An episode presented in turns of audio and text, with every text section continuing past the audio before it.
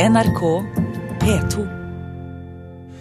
Det uventede og oppsiktsvekkende funnet av 1400 kunstverk i München, beslaglagt eh, og kjøpt under krigen av nazistene, fyller førstesiden i Tyskland. I dag ble noe av innholdet blant eh, verkene presentert for pressen under en eh, pressekonferanse i Augsburg. Og Arnt Stefansen, NRKs medarbeider i Berlin, hva er foreløpig kjent om samlingens innhold? Det er en ekstremt verdifull samling. Eh, som du nevnte er det rundt 1400 bilder av noen av de aller største kunstnerne eh, i kunsthistorien. Vi snakker om Picasso, Chagall, Matisse, Renoir osv. Og, og spesielt for, interessant for oss nordmenn er uh, ifølge Süddeutsche Zeitung at det faktisk også skal være bilder av Edvard Munch i denne samlingen. Dette ble jo kjent i løpet av helgen i det tyske nyhetsmagasinet Fokus. Men politiet gjorde dette beslaget og funnet for to år siden. Den store gåten er hvorfor har ikke publikum fått vite om dette før nå? Ja, Det som myndighetene svarer på det spørsmålet, det er at dette er et enormt puslespill. Man har jobbet eh, kontinuerlig med å katalogisere, skaffe, inn, skaffe opplysninger, forsøke å finne ut så mulig, mye som mulig om denne samlingen. Eh, i, litt i ro og fred, for å, for å eh, se det ut fra myndighetenes side. Og Det er i hvert fall den offisielle forklaringen på at man ikke har ønsket å gå ut offentlig med den enorme enorme oppmerksomheten som det ville få, og som det nå har fått. Og Dette var altså et funn gjort hjemme hos sønnen av en kjent kunsthandler, Hildebrandt Gorlitt. Hvem var han? Hvordan klarte han å anskaffe så mye?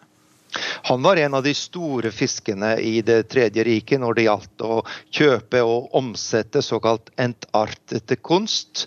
Altså Dvs. Si, eh, kunst som nazistene definerte som utysk eller degenerert, eh, og som vi eh, i, i, stor grad vil, vil, vil, kalle moderne kunst. Eh, han var en av de få som hadde rett til å til å handle med dette. Han kjøpte mye av det fra eh, myndighetene, som hadde da beslaglagt, altså nazistene, som hadde beslaglagt dette i, i museer etter at nazistene kom til makten. Eh, og han drev også en omfattende handel eh, i forhold til private. Han fikk tak i kunst fra Frankrike osv. Så, videre.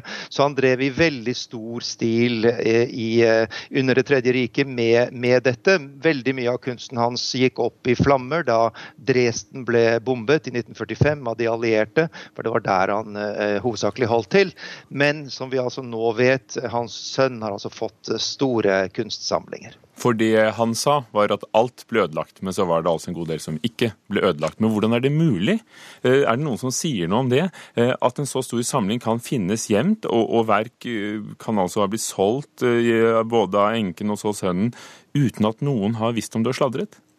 Det har vært mye rykter om dette. Det er mange som har sagt det, er det fremkommet nå de siste par dagene, eh, at de tror ikke helt på dette med at denne store samlingen er blitt borte. Og som du sier, det har dukket opp bilder som har overrasket. Man eh, har spurt seg hvor i all verden kommer så interessante bilder fra. Kan det være en sammenheng? Det har vært mye rykter, men denne mannen, denne sønnen, har åpenbart vært veldig forsiktig og levd et veldig anonymt liv, og har altså hele tiden hatt denne enorme billedsamlingen i sitt eie uten at noen har visst om det. Og ble altså tatt da han eh, kjørte rundt med litt for mange sedler over grensen fra, fra Sveits opprinnelig for, for, to år siden. Eh, Arnt Stefansen, hvor mye sier de eh, at samlingen kan stamme fra eventuelt jødiske kunstsamlinger beslaglagt av nazistene?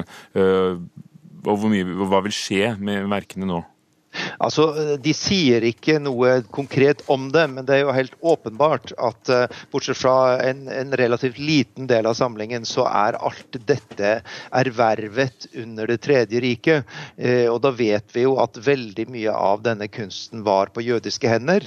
Det er faktisk så brutalt og enkelt som at veldig mange av eierne ble sendt i konsentrasjonsleir og myrdet.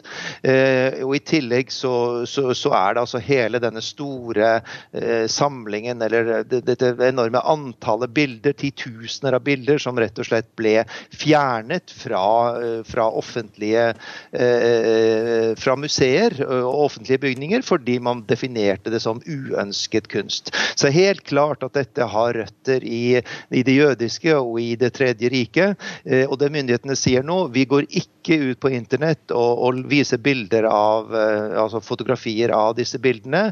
Vi etterlyser på en annen måte. Vi oppfordrer publikum til å komme til oss, for hvis ikke så vil det komme en masse useriøse bløffmakere og spekulanter og melde seg på, på disse bildene. Så det er en veldig tung og vanskelig prosess, men det er kanskje den eneste måten som fører frem.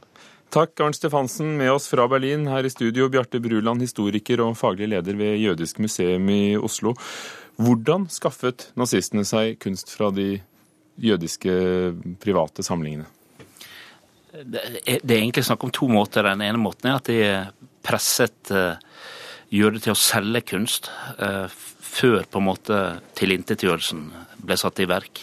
Den andre måten er at de beslagla det som en del av en slags offentlig beslagleggelse av jødisk eiendom, som også foregikk i Norge. Etter det du har eh, lest deg til av det funnet som er gjort nå, i hvilken grad er det jødisk eiendom som er blant disse verkene?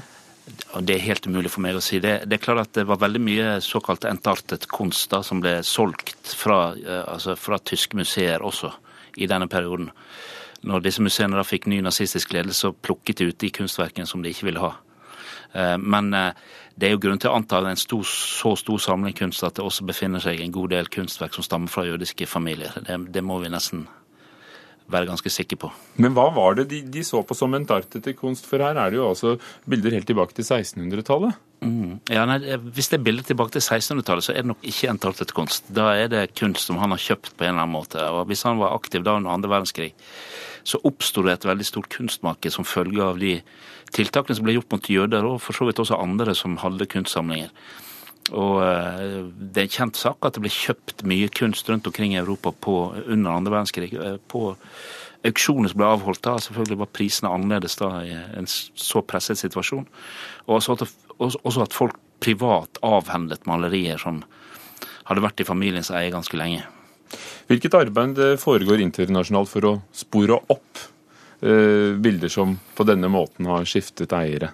Det har jo vært et arbeid som har foregått i regi av eh, forskjellige interna internasjonale fora. Eh, for å, for å, på en måte kartlegge omfanget av dette. Og I tillegg så er det jo en del private aktører som eh, prøver å spore opp kunster på vegne av eh, ofre for, for, denne typen beslagleggelse eller plyndring. da, kan du si. Så det, det, det er for så vidt et ganske stort arbeid som foregår. Eh, og Vi vil jo se da eh, framover om noen av disse kunstverkene eh, dukker opp da i de databasene som allerede finnes over, over forsvunnet kunst. da, kan du si. Men ofte så har det vært hardt for etterkommere av de som mistet bildene å skaffe dem tilbake. Det har vært en lang kamp som førte til at et maleri av Alma Maler mm. f.eks. kom tilbake til sine eiere i, som nå er i Amerika. Eh, et, et bilde av Gustav Klimt er kommet tilbake, men det var etter årevis med kamp. Eh, og akkurat nå pågår det en strid som ikke vi skal gå inn i her, om et bilde som finnes på Henny Onsdag kunstsenter utenfor Oslo. Eh, hvor vanskelig er disse forhandlingene?